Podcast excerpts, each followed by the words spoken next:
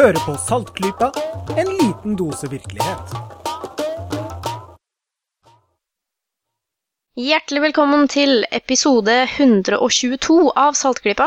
I dag er det den 22. juni 2016. Ja, det stemmer. Jeg heter som alltid Kristin, og jeg har med meg Marit. Hallo, god dag og hei. Jeg har med meg Bendik. Vi er tilbake etter å ha flytta etter en gang. Hurra.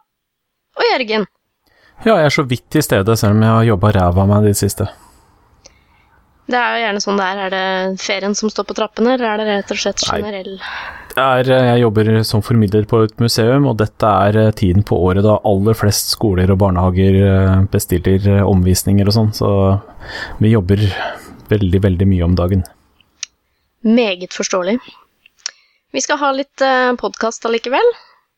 Og vi starter med ja, noen små ting som vi har plukka opp fra nyhetene i siste. Jeg tillater meg eh, å begynne med litt sånn romfarts- eh, og astronytt, fordi eh, det, er sånn, det er ikke hver gang jeg har sånne nyhetssaker om det. Så jeg har sett på et par småting som jeg tenkte jeg bare skulle oppsummere, sånn at eh, våre lyttere er eh, dugelig oppdatert. Eh, Jeg vet ikke om det er noen av dere som har hørt eh, eller lest noen overskrifter som har med at jorda har fått en ny måne. Er det noen som har liksom sett den overskriften noe sted? Bare på QI, og da kommer den vanligvis med en sånn der alarmlyd eh, bak seg. Skulle til å si det samme. Jeg kjenner bare til det på QI. Jeg tenkte også på den, um, som jeg ikke tør å uttale navnet på, for den husker jeg ikke hvordan uttales. Men uh, dette er altså en uh, nyoppdagelse.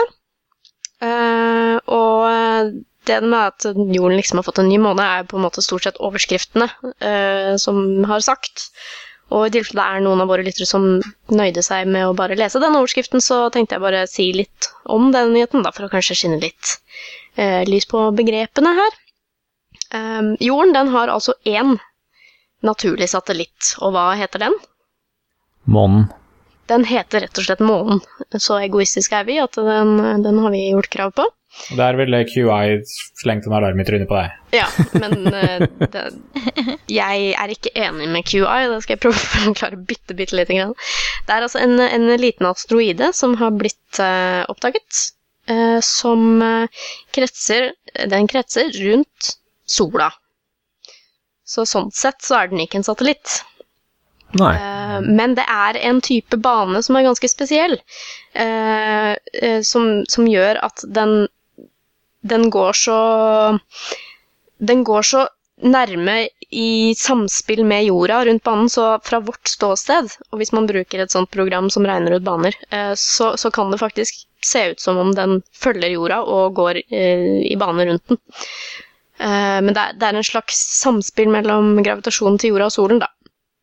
Um, så det må ses på en måte fra vårt ståsted for at det skal kunne se ut som den går i bane rundt oss, noe den da altså ikke gjør. Eh, Den heter, eh, ja, den heter HO3 2016. Det er sånn, alltid sånne morsomme, huskbare navn på sånne ting som har blitt oppdaget.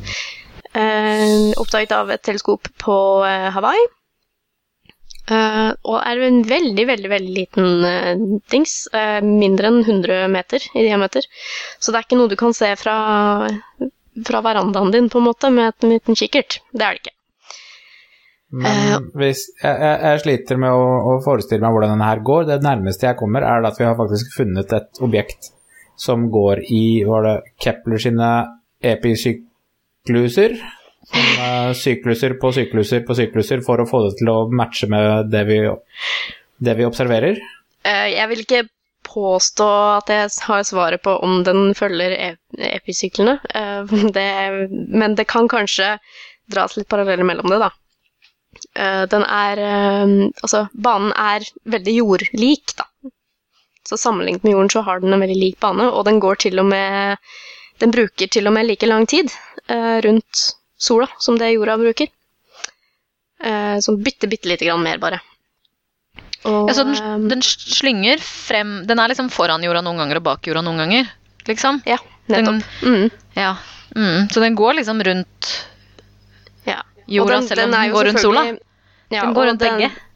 Den er jo såpass uh, langt unna da, at den uh, Den er jo utenfor månens bane rundt jorda. Den er ganske mye lenger ut. Men, eh, men, men sånn, i samspill med jorda så er den det vi kaller for en kvasisatellitt. Altså om at den har en sånn derre kompanjong-type bane rundt sola. Så det er litt sånn eh, Det er litt spennende. Men eh, he, hvis man skal være pedantisk på det, så er det jo ikke noe som går rundt jorda, da. Eh, man har brukt sånne herre banemodelleringsverktøy, sånn veldig fancy, som astronomen bruker, og funnet ut det at den har vi faktisk katalogisert fra ca. 50 år tilbake. Eh, etter at vi hadde observert den nå nylig, så fant man ut det, at, og at den hadde hatt punkter da, på datapunkter fra ganske mange år tilbake. Så det gjorde at man kan eh, beregne banen mye mer nøyaktig, for da har man jo et større antall punkter å regne fra. Så da, det var dette her som gjorde at man kunne eh, se, disse, se denne banen, da. Og den er ganske sær, og den er veldig svak, som sagt. Kan ikke ses med blotte øyne. Um, Phil Plate, selvfølgelig, måtte jeg innom for å se hva han hadde skrevet om dette her. Han gir en uh, enda mer uh, forståelig forklaring enn det jeg gjør, og har også noen linker til denne animasjonen av banen. Så den skal, å, den skal dere få lov å se hvis, i linkene som vi legger ut. Det var måneder. Uh, jeg har en liten nyhet som jeg er ganske flau over å ikke ha fått med meg, eller ikke å ha kommet på før nå. Jaha. Uh, visste dere at det er en veldig kul uh, hendelse som skal skje i, i nærheten av planeten Jupiter om få dager, i romfartssammenheng? Nei, jeg følger med mer på lokalnyheter, altså det Ja, det er det. Ja. ikke innafor den lokale galaksehopen, altså, Jørgen? Nei, litt mer lokalt enn det òg. Altså, Jupiter har vi jo fløyet eh, både rundt og forbi før. Eh, Galileo for eksempel har gått i bane, og Voyager og New Horizons har gått forbi og tatt masse bilder, og veldig imponerende, det der. Og de er prober, altså, Eh, ikke men, eh, personen Galileo, liksom. Ikke personlig Galileo. Eh, Så respektløse er vi ikke overfor han, altså. Men eh, nå er det altså da Juno eh, Mission. Altså Mission er det ikke noe bra ord på norsk for, så jeg sier bare romprosjektet Juno. Um, Oppdrag. ja, oppdrag, ferd. Altså det er en blanding mellom oppdrag og ferd i romfartssammenheng. Så det er litt sånn oppdrag-ferd. Um, eh, Juno skal eh, har da vært på vei i lang tid, og nå plutselig da 4. juli, faktisk. Det er jo en, eh, en stor dag i eh, internasjonal sammenheng. Vi snakker selvfølgelig om Marits bursdag. Og dronning Sonja. Og dronning Sonja. Og så er det et eller annet med statene, jeg husker ikke hva det var. Men eh, i hvert fall 4. juli så kommer den da til å skyte ut noen jetstråler jet- eh, jetstråler fra motoren sin for å senke seg ned i en ganske heftig eh, polar bane rundt Jupiter. Det som er spesielt med den her, er at eh, vi har aldri sendt noe så nærme eh, disse her skyformasjonene til Jupiter som eh, vi kommer til å ha gjort nå, eh, om noen dager. Mm. Og det målet er selvfølgelig hva, hva er det som skjer under overflaten?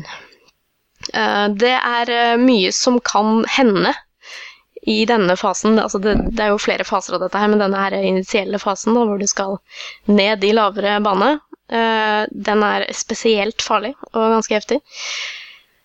Fordi Jupiter er veldig kjent for å ha et sykt sterkt gravitasjonsfelt, for den er jo så stor og tung.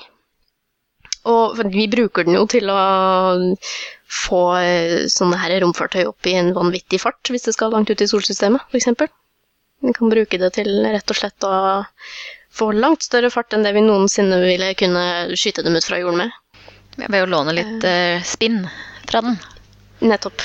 Kan sammenligne med hvis du eh, eh, spretter en eh, stor ball ned på bakken, og så idet den spretter opp, så spretter du en liten sprettball oppå toppen av den.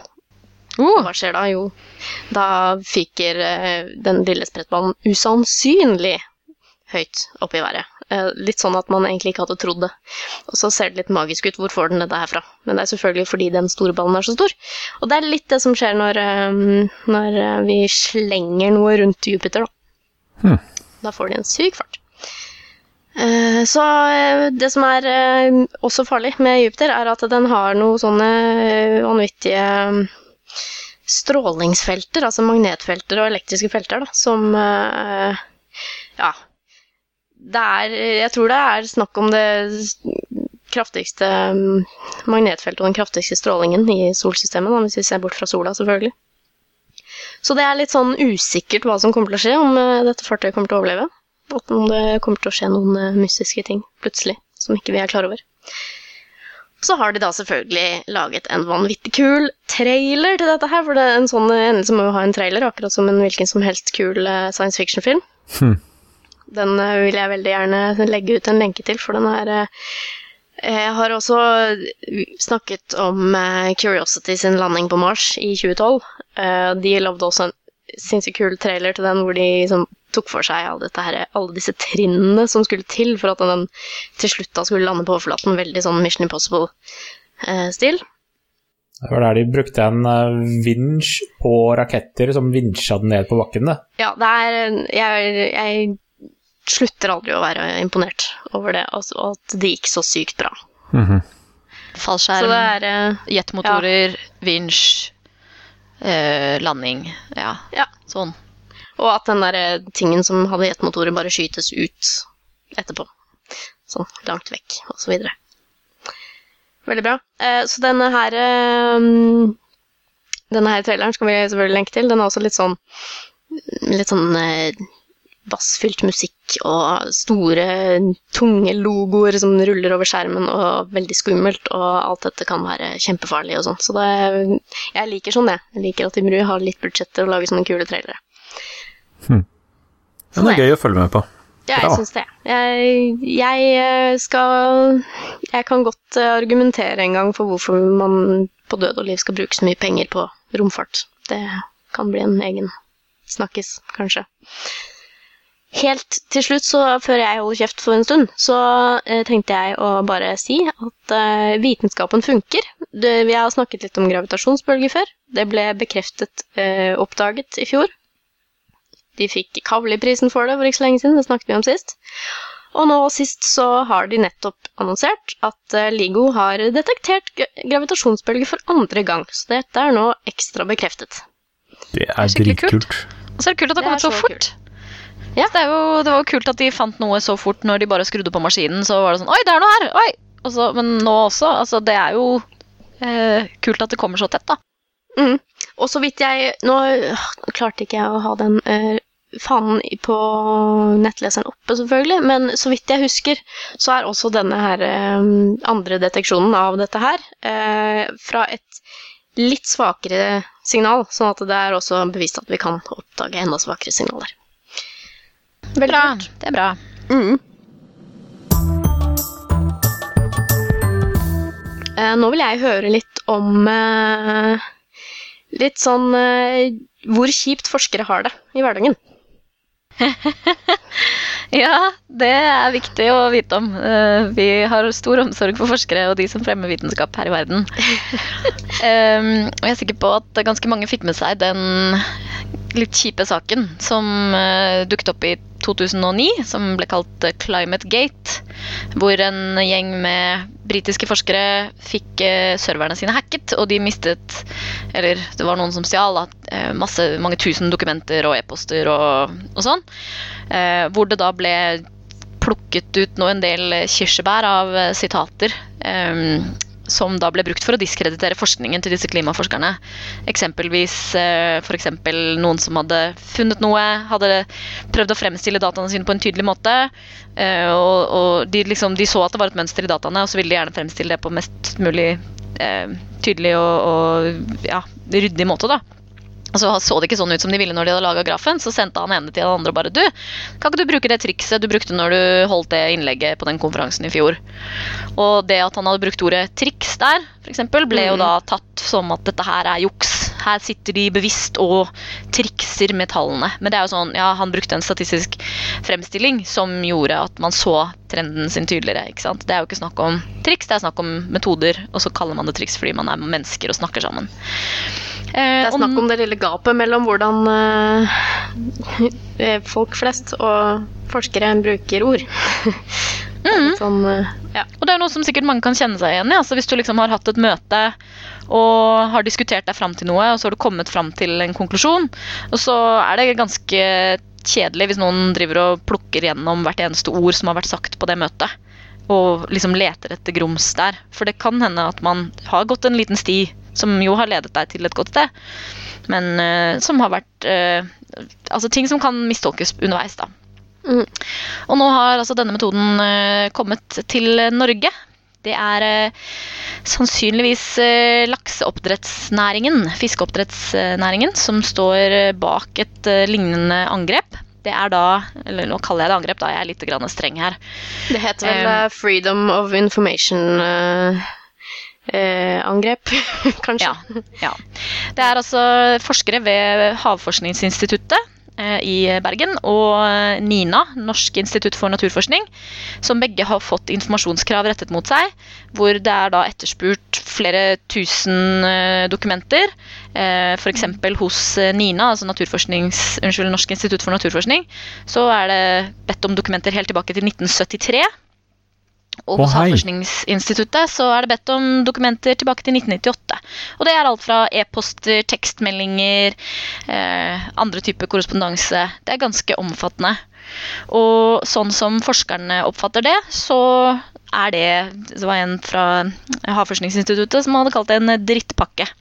For dette er jo naturligvis veldig ressurskrevende for de å skulle gå tilbake og finne original dokumentasjon for absolutt alt de har drevet med de siste øh, 40 åra, liksom. Mm. Um, ja. Så, så det er ikke så bra. Og i tillegg så kommer dette informasjonskravet fra et uh, advokatselskap som heter Stenstrup Stordrange. Og de vil ikke fortelle hvem klienten deres er.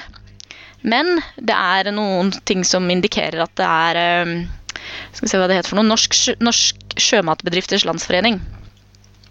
Eh, de er i Mm. hvert fall en klient i det samme, eh, i det samme advokatselskapet. Da. Og årsaken til at dette her kommer fra da sjømatindustrien, det er fordi at eh, eh, det har vist seg at lakselus, altså en parasitt som lever på laks, det påvirker villaks og sjøørret. Altså det, det er lite gunstig for dem da å ha oppdrett i nærheten, fordi da ser man at sykdommene sprer seg fra oppdretten til eh, de ville populasjonene. Eh, og i fjor så vedtok Stortinget at eh, det skulle være et kontrollsystem som gjør at oppdretterne ikke får lov å øke produksjonen der hvor villfisken er truet av lakselus.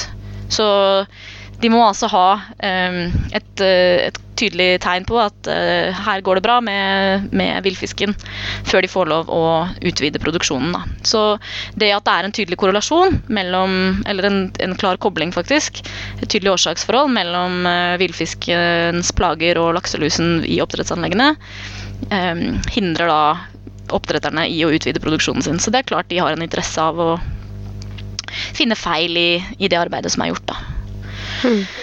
Så ja, det er jo betydelige økonomiske summer. Det er kanskje snakk om hundrevis av millioner av kroner. Eh, og når man får et sånt type krav, så er det jo lett å tenke at dette her er for å eh, hindre oss, for å ødelegge oss. Da kan forskerne tenke, ikke sant. De har også sagt at de selv har invitert til faglige diskusjoner som har blitt avfeid av eh, de som saksøker etter informasjon. Jeg tenker eh, litt på det der med sånn eh, FOI, som det heter på engelsk. Det, gjelder det alle typer organisasjoner, eller er det kun statlige organisasjoner som, hvor man har rett på sånn innsyn? Det er jo vel eh, Altså, offentlige organer har jo offentlighetskrav, men det er fortsatt ikke alt som liksom Det er ikke noe krav om at alt skal ligge ute. Um, og det er fullt mulig å gjøre ting unntatt offentligheten hvis man har en grunn til det.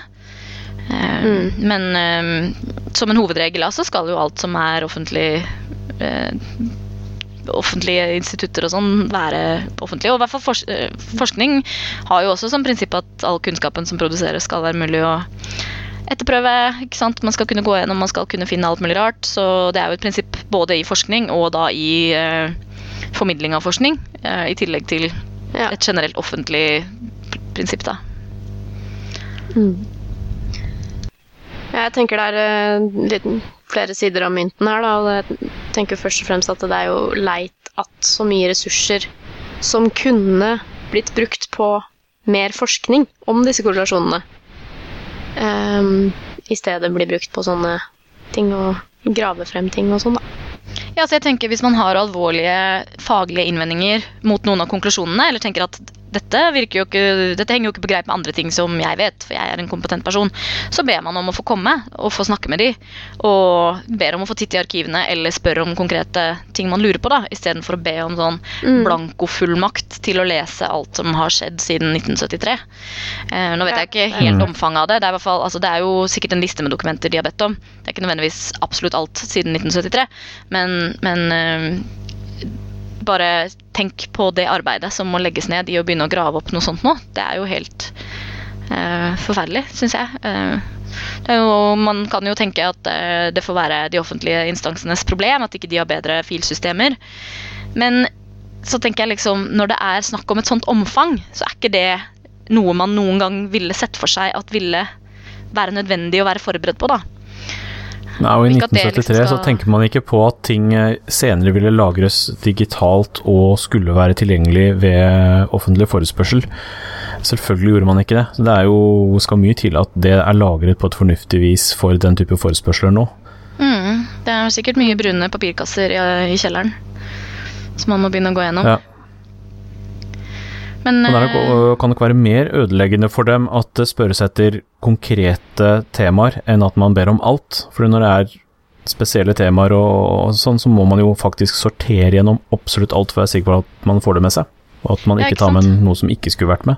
hadde de bare sluppet inn kritikerne inn på arkivrommet og sagt vær så god, rydd opp etter dere, så kunne de brukt et år der inne, de. Helt greit.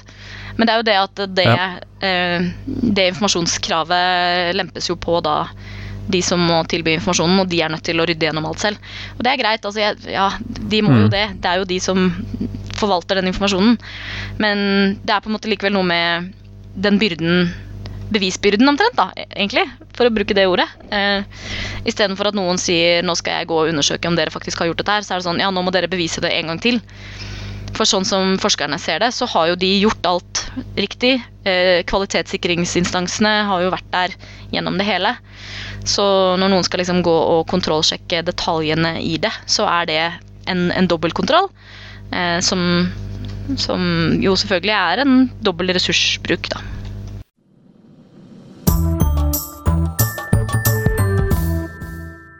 Jeg har lyst til å gå litt videre, er det greit? Ja, jeg er ferdig med fisk. Da fordi at øh, Ja, egentlig mest du, Marit, men også jeg har jo fulgt litt med på det. Har øh, hatt litt å gjøre med litt, litt sånn internasjonal øh, Hva skal vi si? Aktivisme i det siste. Jeg lurer på om du har lyst til å si litt om det, hva det dreier seg om, og hva som har skjedd i ettertid av diverse debatter rundt det. Ja, Vi kan jo snakke litt sammen, vi som har fulgt med på det.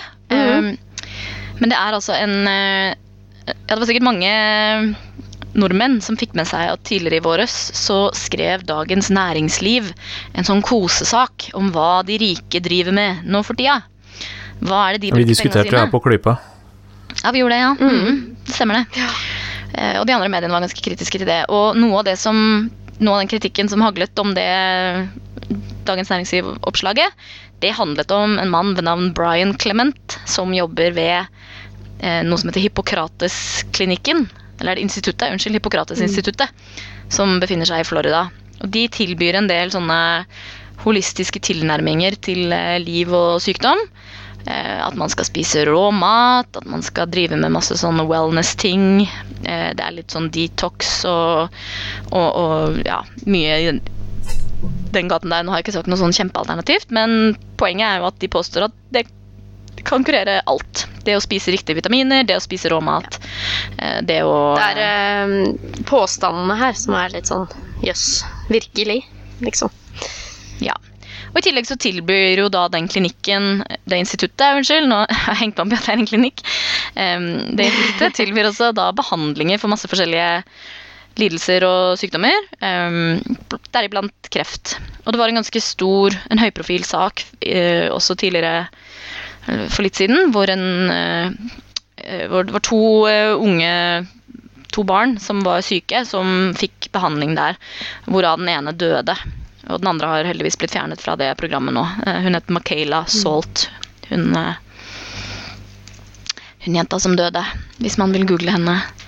Så det har vært ganske eh, mye kritikkverdig der, da. Det, ja, det handler liksom om vitamininnsprøytninger, tarmskylling. Så det høres jo ut som ganske ufarlig eh, alternative greier. Litt sånn sunnhet, god mat, sånne ting. Men så er Det det er hva du spiser. ja, men så er det på en måte når du applikerer det på så alvorlige lidelser, så er det fryktelig, fryktelig alvorlig. Og han Spesielt når eh, du da gjør det i stedet for cellegift, f.eks. Ja. Nettopp. Og det, de behandlingene er jo svinedyre, ikke sant. Altså, hun eh, Michaela Salt, hun, hennes behandling hadde kostet 18 000 dollar før hun døde. Oh. Så bare for å liksom sette litt skala på dette her, da.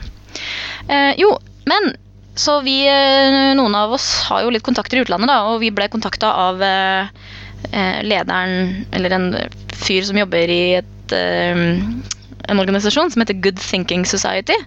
Og det er en liten organisasjon som jobber for å bedre vitenskapens kår i samfunnet, egentlig, sånn kort fortalt, i England.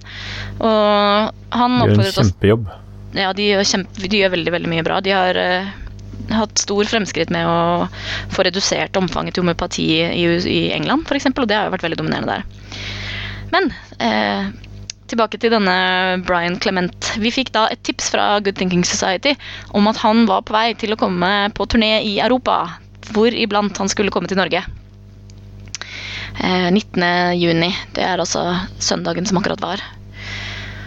Og han oppfordret oss om å sende mail til journalister, kanskje sende en mail til eh, lokale, eh, for å høre om de kjente til hva det er denne mannen snakker om. Hvor risikabelt det kan være, hvor eh, mange sårbare mennesker som, som kan la seg lokke av sånne ord. Um, og kanskje også ta kontakt med politikere, regulatorer, sånne ting i Norge, og se om de kunne gjøre noe. Så vi gjorde det. Vi satte ned en liten gruppe, Kristin og Jørgen og jeg, og fikk tak i en fyr til som satte oss ned og skrev litt, uh, bitte lite grann. Og, men vi fikk litt dårlig tid, så det blei én e-post til lokalet. Det var egentlig det som var lettest, og det var det som var mest eh, eh, forefallende, tenkte vi. Uh, og ikke minst så la vi også litt vekt på det etter at vi så at svenske, eh, den svenske organisasjonen Vetenskap og folkebildning hadde sendt en e-post til lokalet hvor Clement skulle opptre i Sverige, og fått da lokalet til å kansellere leieavtalen de hadde med han. Clement prøvde først å finne et annet lokale i Sverige, eh, og de hadde inngått en avtale, men så tok da organisasjonen kontakt med de òg, og så ble det også kansellert. Så han endte opp med å kansellere hele sin opptreden i Sverige. Eh, I Norge så hadde vi jo ikke så hell med det. Vi, han, var, han Clement var faktisk her i Norge i 2015 også, eh, og hadde sitt opplegg på samme sted. Så det er godt mulig at de på Ballroom, som det heter, dette lokalet i Oslo, kjente til hva det var. Eh, og i Norge så ble det arrangert av er det Kristin Arnesen hun heter? Hun som har vært leder for det som het Nikita frisørsalonger før, og nå er Inch. Ja. Hun er i hvert fall sånn eh, driftig businessdame i Norge, da. Får litt oppslag her og der og sånn. Ja. Livlig nordlending. Så hun er bitt av basillen og eh, sier at hun har fått et mye bedre liv etter at hun la om til eh, Clements type eh, måte å leve på. Greit, det. Bare ikke snakk om kreft, tenker jeg. Men jeg posta om det her på Facebook-veggen min, og det var mange ras oppegående, rasjonelle meningsfeller eh, som jeg har, som protesterte på det tiltaket og sa at nei, man burde ikke ta kontakt med et lokale. Fordi ytringsfriheten er mye viktigere enn å hindre det som blir sagt i det lokalet. Christian Gundersen var f.eks. en av de som dukket opp. Jeg kan, godt, eh, jeg kan godt si hva jeg mener i den debatten, så kan dere andre gjøre det også. Og hvis du vil kanskje også utdype litt av det de andre kom med som motargumenter. Men uh, for å si den, det jeg ender opp med, er at uh, ja, uh, jeg er veldig, veldig for at ytringsfriheten skal gjelde. omtrent Altså som en sånn Hva skal vi si? En beskyttelse mot at du får lov å tenke det du vil, og mene det du vil. Eh, det at en mer eller mindre privat venue får informasjon om hvem det faktisk er som skal komme dit, føler jeg er innafor. Det er liksom det, der jeg står, da. At dette handler om at eh, ja, i første omgang for, i vårt tilfelle, at lokalet fikk beskjed om eh, Ok, ble ordentlig informert om eh, ja, hva skal man si, nyhetssaker og kontroverser han har vært en del av, og at dette faktisk er ganske omstridt. Eh, og da, hvis vi hadde gått litt videre, da, at, at kanskje publikum også fikk den infoen, og var informert om hvor omstridt alt var rundt dette her. Eh, Det som hadde vært dumt, er hvis f.eks. vi hadde samlet en gjeng med plakater og gått inn i lokalet under foredraget og ropt slagord. Det, der hadde jeg på en måte satt grensen for aktivisme. Men jeg, jeg liker å at folk er liksom kan velge det de vil, men at de samtidig er grundig informert, da. Ja. Det, er, det er der jeg står litt uh, på Jeg er glad i folkeopplysning. Vitenskapelig folkeopplysning. Det var meg. Ja, nei, jeg er enig i det, og det Altså, det var jo ikke sånn sensur i den forstand vi forsøkte på. Det var bare å gi informasjon til lokale, sånn at de kunne ta et informert valg om dette var et foredrag de ønsket i sine lokaler. Og det valgte de tydeligvis, og det får være greit. Det er ikke noe mer å si om det, for så vidt. Ehm, men, men det er klart det går litt sånn utover ytringsfrihet på et vis, selv om ikke det gjør det i det strengeste forstand, så, så er det jo et forsøk på å stilne noen. Og det skal man jo normalt ikke gjøre. Det skal ganske ekstreme ting til før man prøver å stoppe folk fra å uttale seg. Um, og det å påstå at man har en behandling for kreft når man åpenbart ikke har det, det er såpass alvorlig at jeg mener man helt klart skal fra sak til sak kunne vurdere om eh, her er det viktigere ting inn i bildet enn folks rett til å leie et lokale for å si det de vil. De kan jo si det de vil i andre sammenhenger også, sånn at det er jo ikke en streng eh, sensur det er snakk om her, men eh, ja, det er litt på kanten for ytringsfrihet, det, det skal jeg gå med på, og det er problematisk. Man skal tenke seg om før man går inn for å stanse noen. Når jeg syns det er viktig, eller syns det var riktig i denne sammenhengen, så har det å gjøre med at dette er sånn informasjon som sprer seg veldig lett. Fordi eh, de som først er interessert i disse tingene, er vel kanskje ikke de som er mest kildekritiske i utgangspunktet. Og det å få stansa informasjonsstrømmen tidlig kan ha stor positiv effekt. Kanskje. Eh, Men jeg er ikke 100 overbevist om at det er den riktige måten, og kommer det gode nok argumenter, så kan jeg godt skifte mening på det, men eh, eh, jeg syns det vi jo prøvde på denne gangen var helt innafor. Mm. Jeg har også tenkt litt frem og tilbake. Um, det var liksom flere muligheter her. Kontakte mediene. Vi gjorde ikke det. Litt av tidspress for å sitte og liksom finne, opp, finne de journalistene og, og, ta kontakt med de på en redelig måte og si at man er tilgjengelig for informasjon. Um, eller å gi de mer informasjon hvis man trenger det. Det er ikke alltid man har tid til det, rett og slett. Man trenger flere hender til å gjøre sånne ting. Uh, og det andre var jo å møte opp utenfor lokalet den dagen det skulle være, og dele ut nøytrale informasjonsflyere på en, en uh, vennlig måte. Det har jeg vært med å gjøre før da Lisa Williams, hun som påstår at hun kan snakke med de døde, var på Folketeatret i Oslo. Da sto vi utenfor og sa hei, hei, her er litt informasjon. Uh, de fleste tok det med seg og trodde nok kanskje at det var et program. Én eh, person kom tilbake og rev det opp foran oss og var fornærmet over at vi ville gi dem informasjon. Og hm. resten var liksom bare sånn Å ja, takk, ok. Noen tittet på det og humret litt og liksom Ok, ja, dette skal vi se på, skal vi se hva dette er for noe. Og det var bare helt sånn saklig informasjon. Sånn ja, hvis uh, en person faktisk kan snakke med de døde, hva skal man se etter da? Hvordan kan du skille det fra en som bare driver med triks? Ikke sant? Så ga vi liksom litt sånn Ja, her er sånn man ville gjort det hvis man bare gjorde det med triks. Uh, og en, en, sånn type flyer tror jeg kanskje hadde vært det aller beste. Det er liksom en, Så lenge de menneskene som, som går dit, er hyggelige og ålreite uh, folk som forstår at de som er der, ikke er der fordi de er onde, men fordi de har tilgang på feil informasjon, f.eks. Men når man har litt sånn god innstilling da, i utgangspunktet, så syns jeg det er en veldig god måte å gjøre det på.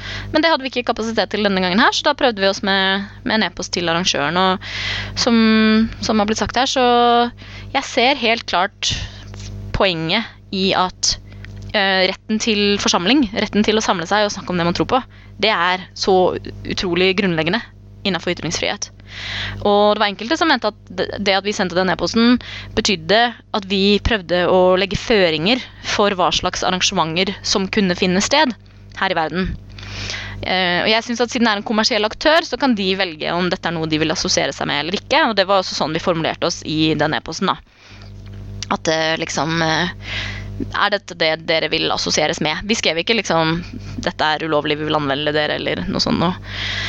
Um, så ja, og, og, som Jørgen sier, så syns jeg at når det er snakk om falsk markedsføring uh, her er det et delvis kommersielt arrangement hvor, altså hvor, det er en kommersiell aktør, hvor det er åpenbart at du er ment å ta kontakt med han for å få, eh, for å få tak i hans tilbud i etterkant da Og han snakker om eh, kreft. Der går grensen for meg, altså.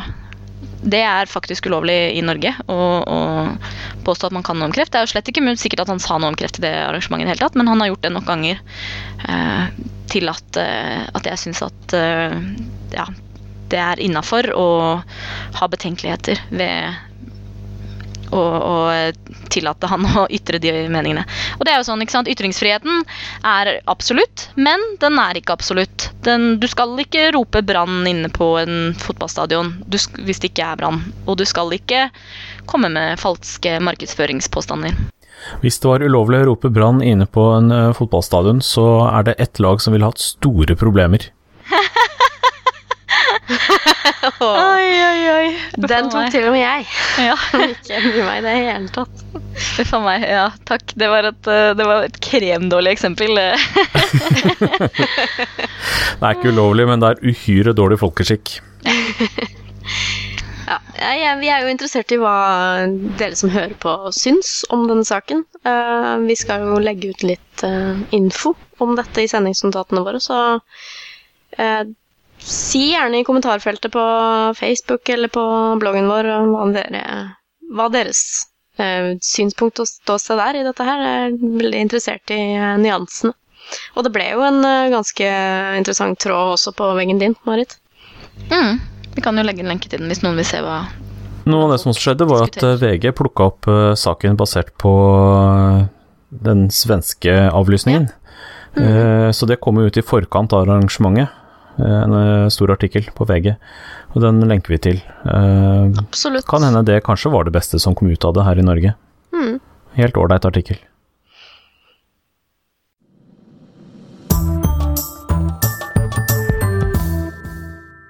Vi har fått leserbrev, og Bendik, har du lyst til å Du som er litt sånn postmesteren i Saltklippa, har du lyst til å lese opp den? Jo, vi har uh, fått et brev fra Nikolai. Hei, Nikolai. Hallo. Hei, hei. Eh, Nikolai skriver at uh, han uh, satt og hørte på intervjuet vårt med Edzard Ernst, og da fikk han en idé. Aha. Og ideen er Folk bruker for mye antibiotika på småting som øreinfeksjon og halsbetennelse, sykdommer som går over av seg selv, og dermed skaper resistente bakterier uten stor effekt mot sykdommen. Samtidig har vi et problem hvor folk tror at homeopati virker, når det ikke har effekt i det hele tatt. Hvorfor ikke kombinere disse to problemene? Små infeksjoner som går over av seg selv, kan behandles med homopati. Dermed får hypokondere og alternativister medisin, samtidig som vi kan spare antibiotikaen til seriøse ting. ja. Å, fiffig liten idé der. Jeg syns det var en veldig kult uh, spørsmål, jeg. Eh, for her er det jo ganske mange ting man kan gå gå inn på. Det jeg tror Nikolai spesielt sikter til her, er jo den, altså den utrolig skumle fremtiden vi faktisk kan gå i møte med resistente bakterier. Ja. Det kunne vi jo hatt en hel episode om, eh, pluss pluss, med helst veldig mange eksperter som uttalte seg om saken. Um, og så har vi dette her med ja, mer eller mindre Og skal, skal leger eh, dele ut placebo hvis det ikke er så farlig? Det er også et spørsmål som man Ja. kanskje kan finne igjen i denne e-posten her. Jeg gjorde litt grann research, og så vidt meg er bekjent, så kan ikke leger gjøre det i Norge, i hvert fall. Nei. Eh, Med mindre man har et, eh, en undersøkelse. Med mindre man man er Dr. House. Dr. House gjør det hele tiden, og enda verre ting også. For sånn er Eh, han. Så, så hvis dette her skulle bli en idé, så må vi endre litt på regelverket til å gjøre det uh, lovlig. Er vel kanskje det riktige. Ja. Og, og skrive ut placebo. Og jeg må jo innrømme at det smerter meg litt å innrømme det, men jeg er enig i det, den loven, egentlig. Eller Ja. regelen. Fordi Ja. Vi har her- egentlig ikke lyst til at legen skal le, Legen gjør veldig mye, eh, men vi har vel egentlig ikke lyst til at han skal drive og, og stemple deg som hypokonder eller ikke. Han skal ta alle eh, tilstander seriøst. Han skal ta alt seriøst, og du skal kunne stole på det han sier. Så hvis han sier 'dette hjelper mot den og den infeksjonen', så, så bør det være et faktum, da, helst. Ja, men det er jo Eh, sånn- det, Han kan jo si 'ta disse pillene', og infeksjonen din vil gå over innen 3-5 dager. Det er jo ikke en løgn. Men jeg, altså, ja, jeg, jeg syns ideen er kjempefiffig, men ja, det faller dessverre under dette prinsippet om at leger ikke skal lyve til pasientene sine. Jeg tror faktisk jeg syns det er viktigere som prinsipp enn at vi får løst akkurat denne saken på akkurat denne måten. Sånn, det, ja. og det, det kommer jo litt under også det vi nettopp har snakket om, det der med at eh, folk har en viss rettighet til å bli ordentlig informert om det de går til. Og deretter har de rett til å gjøre noe dumt.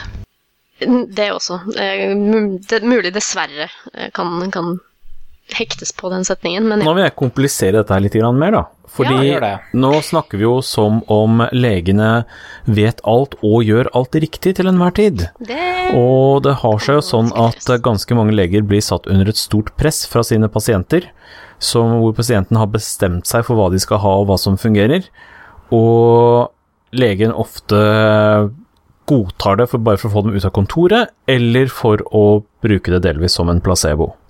Og mye av den antibiotikken som skrives ut, en vesentlig andel av den, eh, er til eh, virussykdommer f.eks., som eh, antibiotika overhodet ikke fungerer til.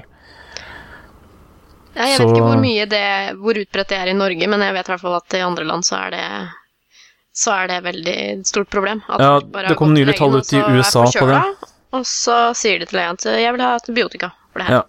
Jeg vet ikke åssen det er i Norge heller, men det kom nylig en undersøkelse i USA, jeg husker ikke tallene nøyaktig, men jeg tror det var noe sånn rundt en femtedel av eh, den utskrevne antibiotikaen oh, gikk til ting som de ikke hjelper mot.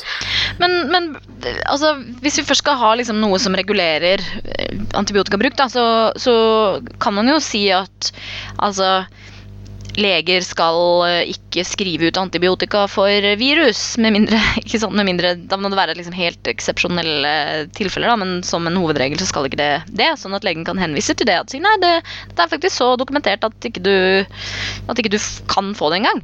For du kan jo ikke få kreftmedisin for eh, hvis du trenger prevensjon, liksom. Det er ikke sånn at en lege bare kan skrive ut det den vil til deg når som helst. De må liksom kunne ha litt diagnose Nå sitter jeg og famler litt om hvordan leger arbeider, det vet jeg egentlig ikke her. Ja. Jeg vet jo at leger nei. enkelte ganger skriver ut resepter til eh, koner og kjærester og eh, venner og sånn, basert på hva de vet om det. Men da, da har de jo på en måte en Da har jo de diagnostisert personen med sin eh, kredibilitet på linjen. Hmm. På linjen, ja. Som det heter På linjen. Yes, on the Nå, nå vil jeg bare ha få lov å påpeke at det er vanligvis meg dere kritiserer for å snakke dårlig norsk. Og for til og med jeg som pleier å kritisere deg mest. Ja. Så her vil jeg bare få lov å si at den kjelen der, den er mektig sort. Nå er dere i slekt, da. Vi er det er ikke så rart. Men jeg har faktisk en bok eh, på min høyre side her akkurat nå som heter eh, The Cultural Boundaries of Science Credibility on the Line. Så det, var, det kom direkte fra sidesynet mitt her. Jeg På linja. Ja, det er eh, at stake, skulle jeg si nå. Ja. De eh, risikerer sin integritet. Hvis vi, hvis vi tar eksperimentet litt videre og sier at uh, det er som et tankeeksperiment og sier at det kan være sosialt akseptabelt å skrive ut placebo. Eller lov, lovlig å skrive ut placebo. Mm -hmm. uh, så kan vi fremdeles da løpe inn i det problemet at uh, hvis man skriver ut homeopatisk som placebo Ja, jeg har historikk på å gjøre dette her, ok? Du får den snart lov, du. Ja. Uh, hvis, uh, hvis man skriver ut homeopati som placebo, og legen vet at det er placebo, men mottakeren gjør ikke det, så vil jo denne mottakeren bare koble sammen. Jeg fikk homeopati, og jeg ble bedre. Mhm. Og blir da, kall det, en fan av homopati, eller effekten av homopati blir styrket i den personens hjerne. Pluss at det gir veldig mye legitimitet da, å få det skrevet ut av en lege. Eller få det anbefalt av en lege. Det gir veldig mye legitimitet. Så faktisk, hvis det skulle være sånn at placeboutskrivning var lovlig, så ville jeg nesten heller sett at de bare hadde noe som for meg så ut som generisk eh, legemidler. Altså de het et eller annet sånn uh, akso kakso eh, Noe langt og kjemisk lydende. Uh, og at alle leger vet at det er placebo, men ikke alle pasienter vet det. Sånn at i hvert fall de kunne beholde Det, det ryktet tror jeg ville spredd seg ganske raskt, altså.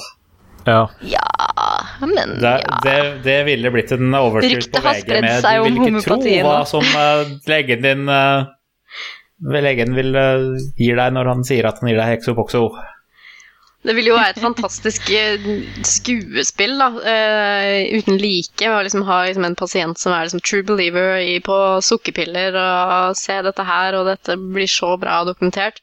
Og så på den andre siden så har du legen som fortalte deg dette her, som sitter der og humrer for seg selv og ha-ha. De tror det funker. Jeg har en annen mulig løsning her, da, for å gi folk placebo.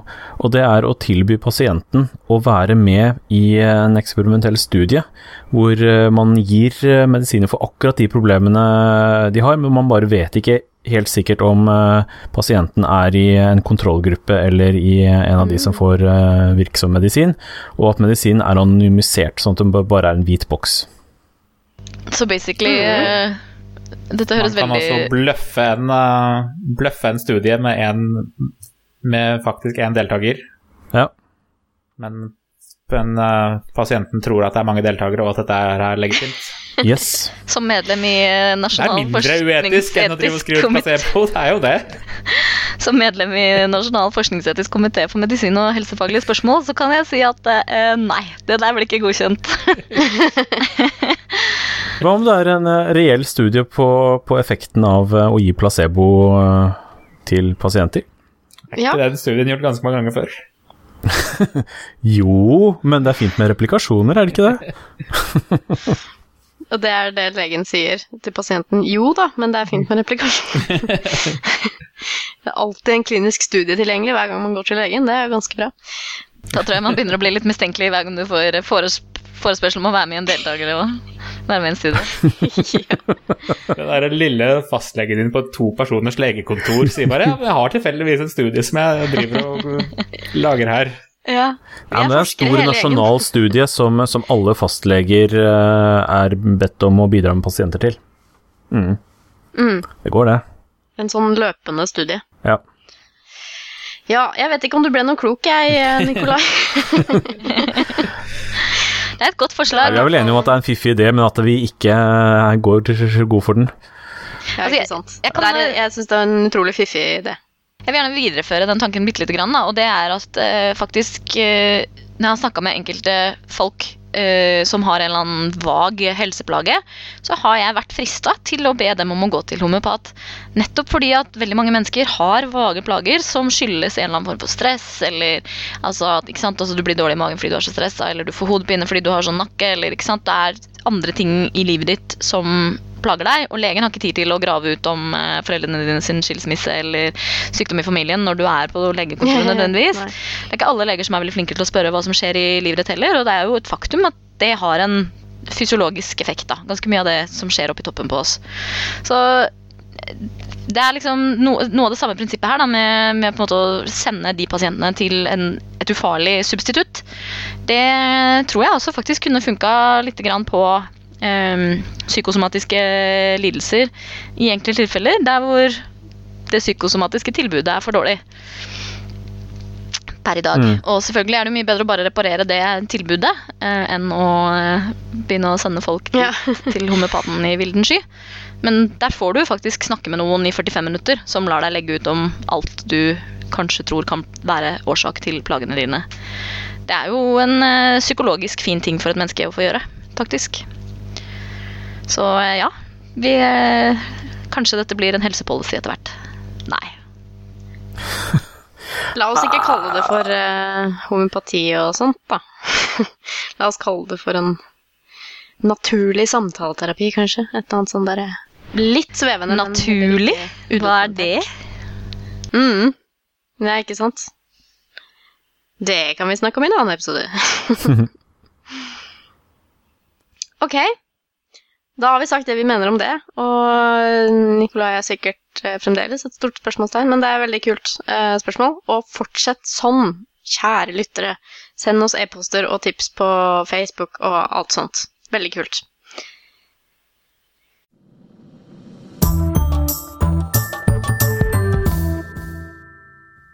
Eh, jeg eh, vet ikke om dere har noen anbefalinger. jeg. Tenkte først å, å si at eh, selv om det nå er sommer i dette opptaksøyeblikket, så betyr ikke det at eh, du trenger å ta, ta deg ferie fra å høre på oss. Følg med. Vi har vi har jo etter hvert da kan jo avsløre som så mye som at vi har noen gamle episoder på lur. Som vi sitter og tripper og klør etter å høre gjennom og få lastet opp og rett og slett publisere på nytt. Fordi det er jo Vi har jo et arkiv etter serverbyttet vårt eh, som ikke er tilgjengelig per nå for alle.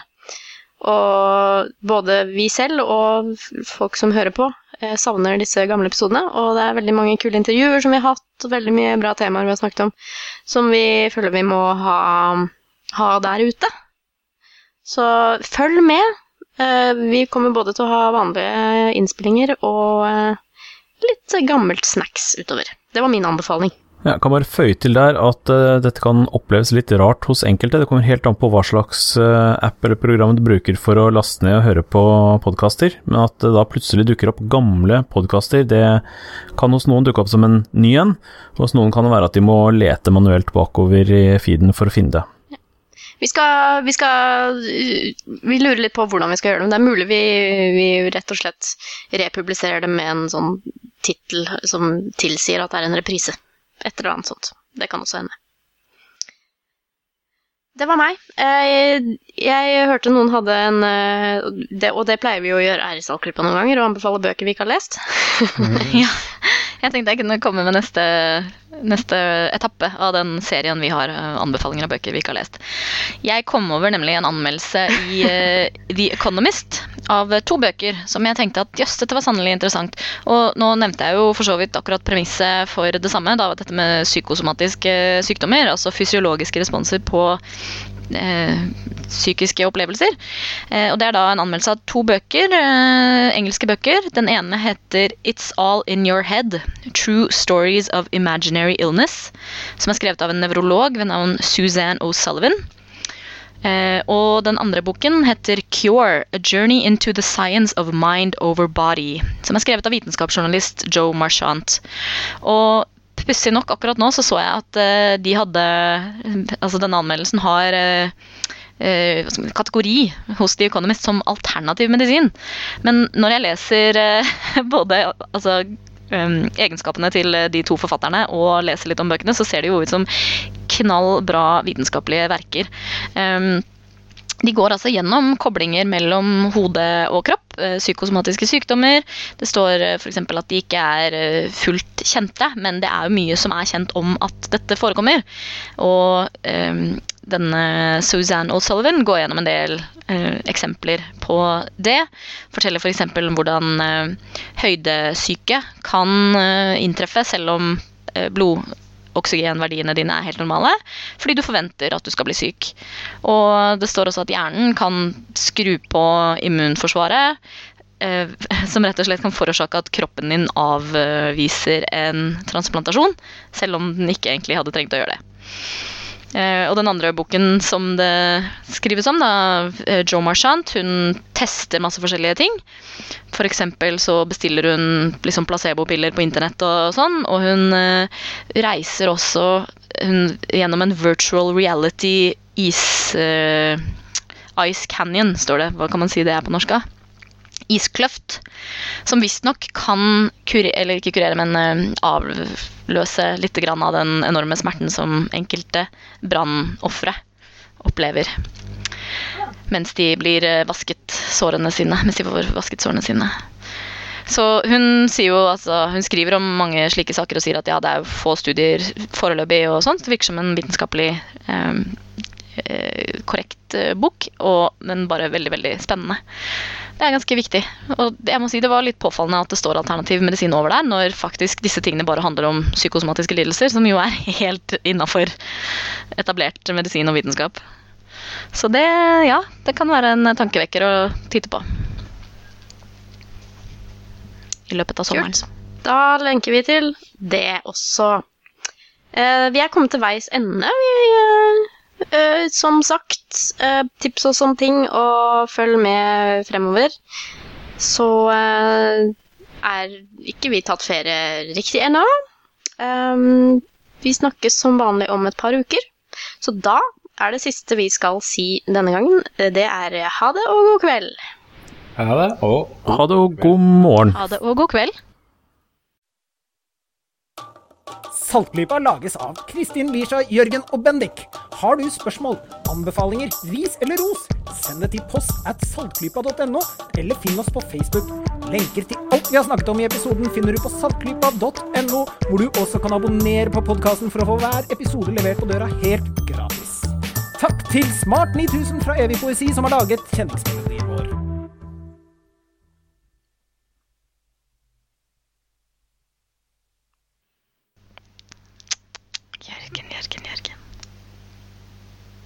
Jeg vet vel ikke når folk hører på dette jeg vel?